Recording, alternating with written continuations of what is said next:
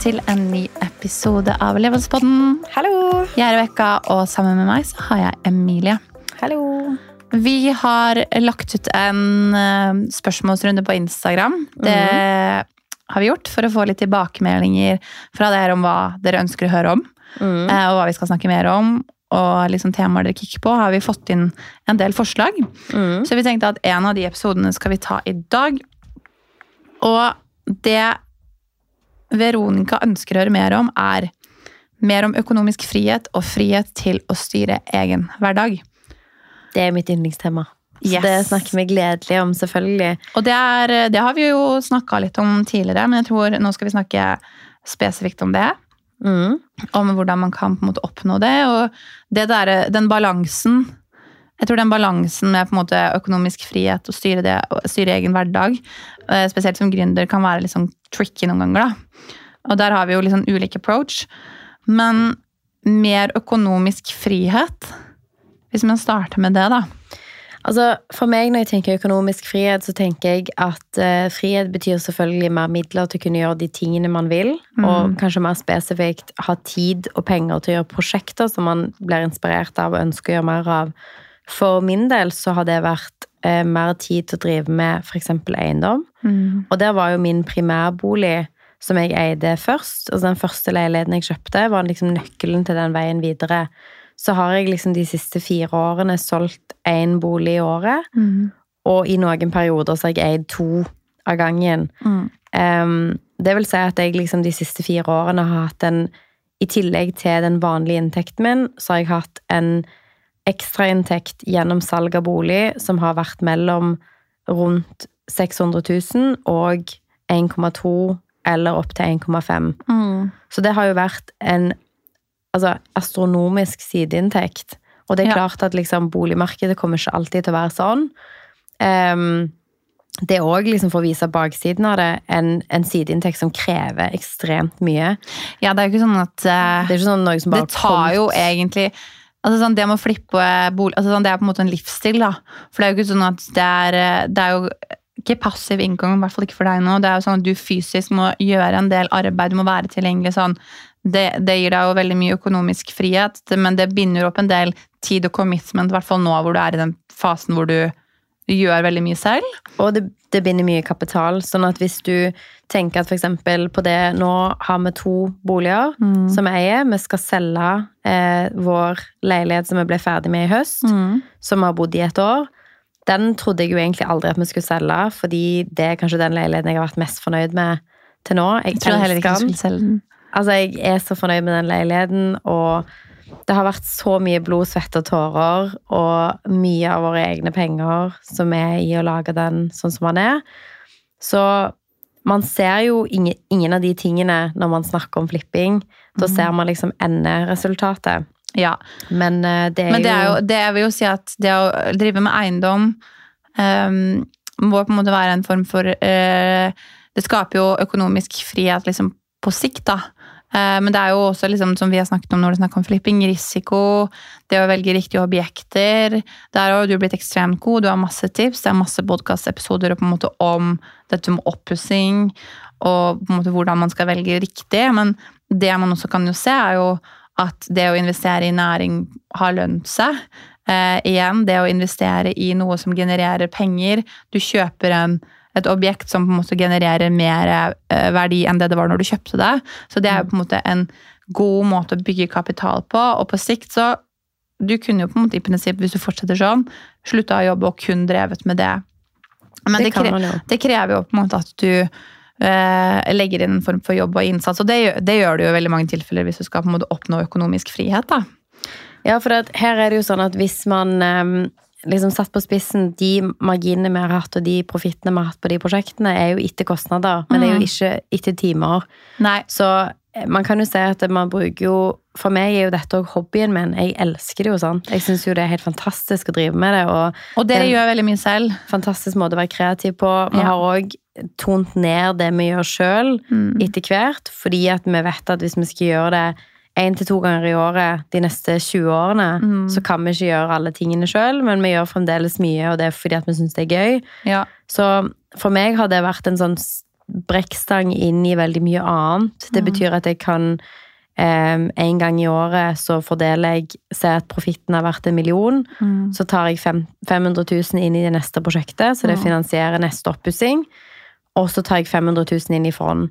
Sånn at det har både vært noe som gir meg fleksibilitet og mindre boliglån der og da, men det gir meg òg midler inn i en annen aktivaklasse som på sikt gir meg frihet.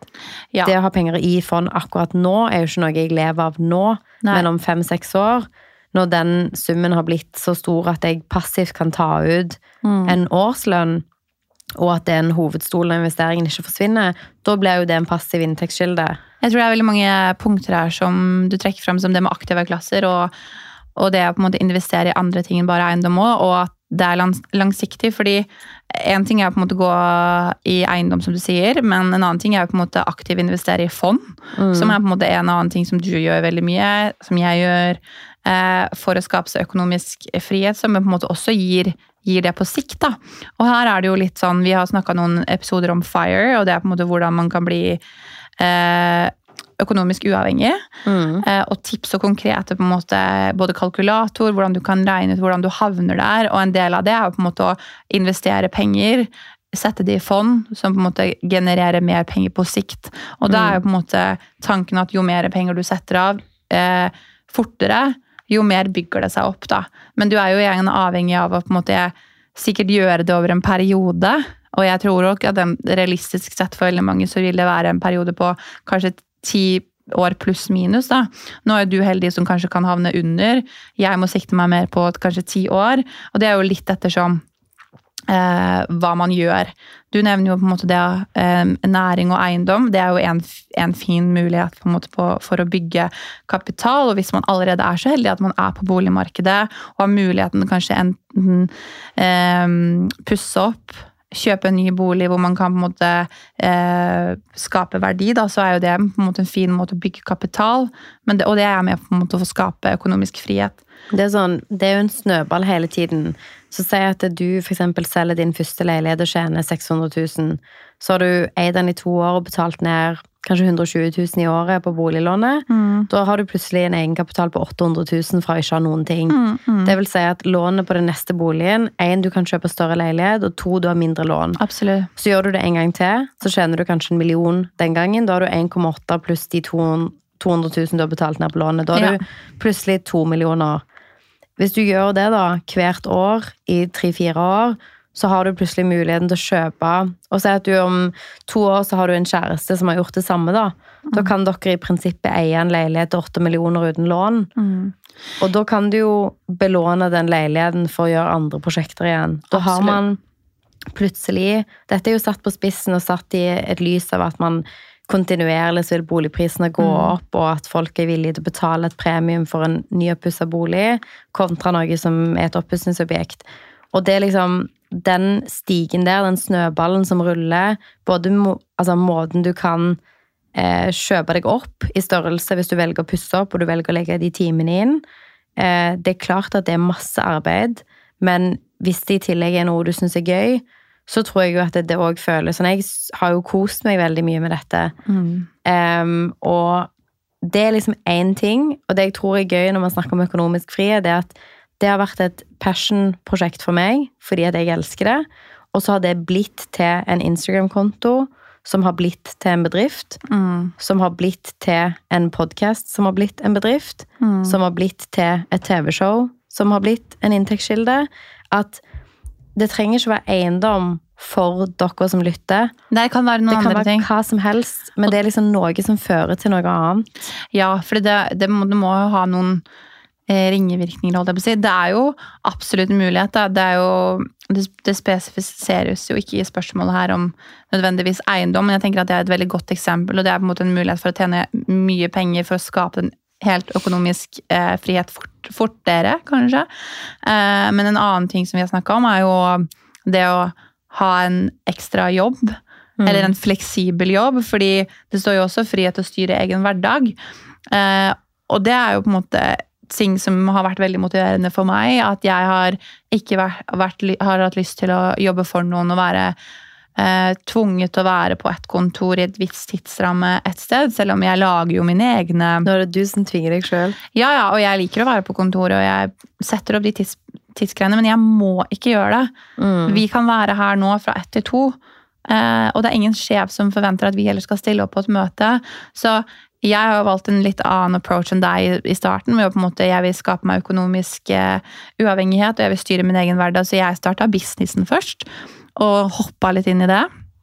Du tok jo en kjemperisiko. Ja, og det er på en måte, nå har jeg på en måte eh, skapt meg mye mer økonomisk frihet eh, jeg ville hatt om jeg hadde fulgt et ansattløp i tre år. Det har jo også gitt meg hjerteinfarkt noen ganger.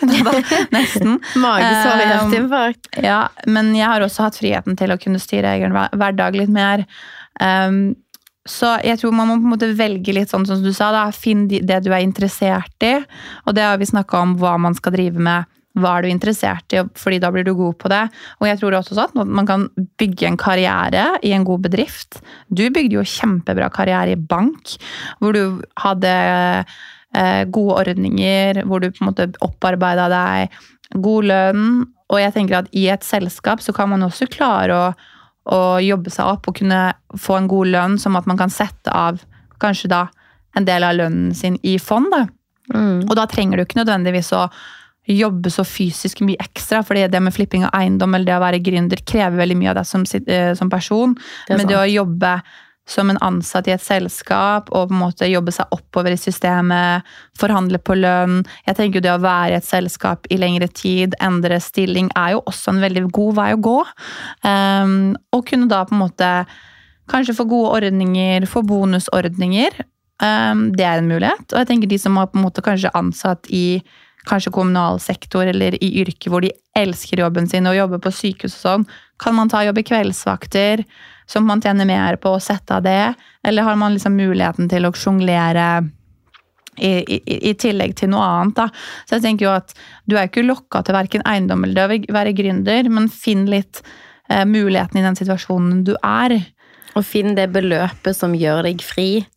At liksom sånn, Når jeg har hørt på andre podkaster, så har de funnet ut at de har et årlig forbruk på 200 000-300 000 hvis de Ja. skalerer det ned. Ok, da trenger de dette tallet for å liksom pensjonere seg. Ja. Og det å bruke det som motivasjon, for det er klart at det å starte en bedrift krever jo masse, Ja. men det er jo noe som kan bli en passiv inntekt over tid. Nettopp. Og det er jo også noe som, selv om du gikk den veien, så har du jo òg solgt selskapet fra deg sjøl til eh, holdingselskapet ditt og tjent penger på aksjer. Så du òg har jo liksom bygd opp noe med en kommersiell verdi, og noe som kan bli solgt i framtiden hvis du vil det, eller hvor man kan liksom gi over daglig lederansvaret og ta ut utbytte passivt. Absolutt. Og jeg tror man må på en måte ta et lite valg, da.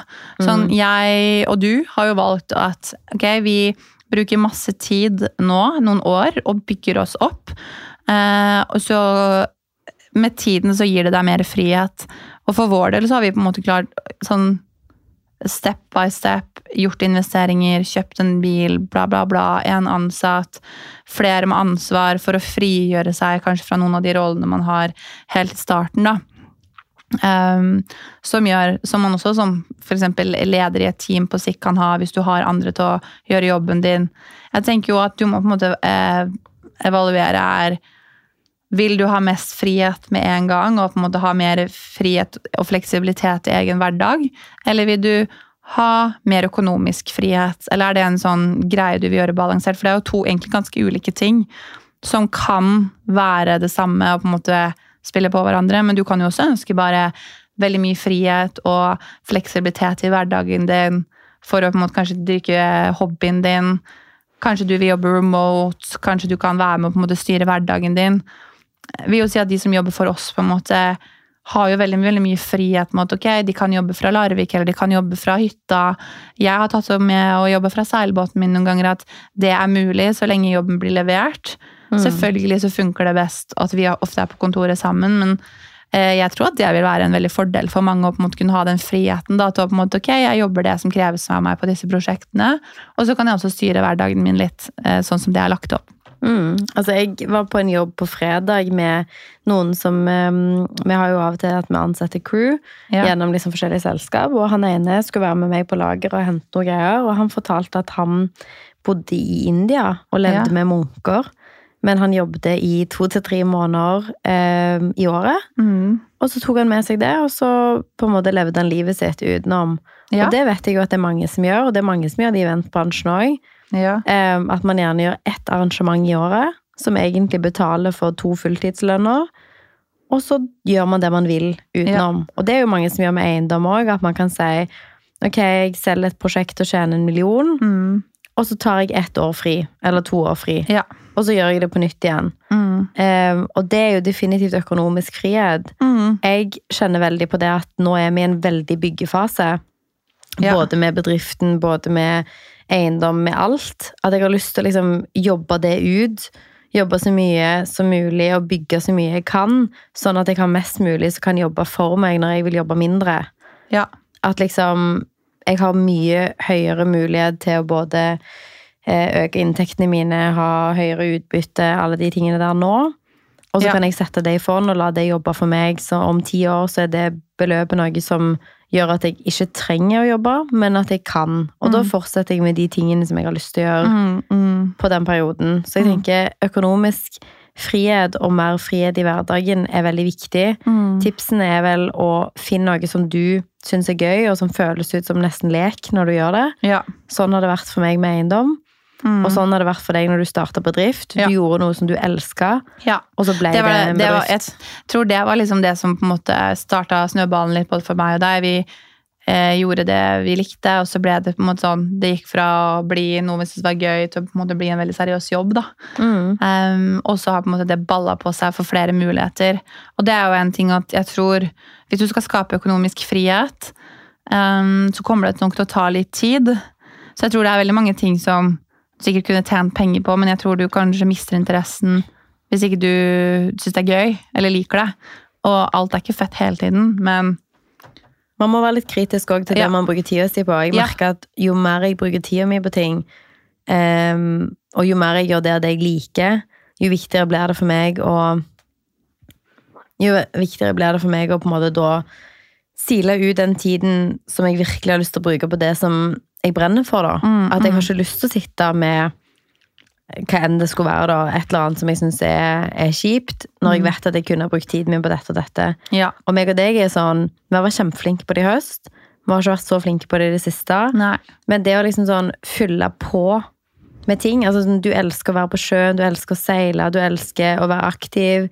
Jeg elsker å ha muligheten til å trene, til å liksom kunne holde på med prosjektene, til at vi kan kunne være i studio, til at vi kan eh, gå på ski på vinteren og gjøre aktive ting og fylle på det Ja. vi trenger, da. For vi gir så mye i tiden rundt at den fleksibiliteten der er verdt alt for meg. Absolutt. Jeg er helt enig. Jeg håper at det ga svar på ganske mye i forhold til det å um, ja, få mer økonomisk eh, frihet og Mm. en mer eh, fleksibel hverdag. Vi, ja, vi brenner jo for det her. Begge Mm. deler, egentlig. Um, Absolutt. Og det er supergøy at vi får så mye kjekke Ja, meldinger på Instagram og så mye tilbakemeldinger, og det er så gøy å se at dere deler deres egne erfaringer, og at dere har funnet fram til denne podkasten, setter vi så stor pris på. ja. Veldig, veldig, veldig spennende. Fortsett å dele. Veldig gøy. Ok, Vi snakkes neste uke. Ha det. Ha det.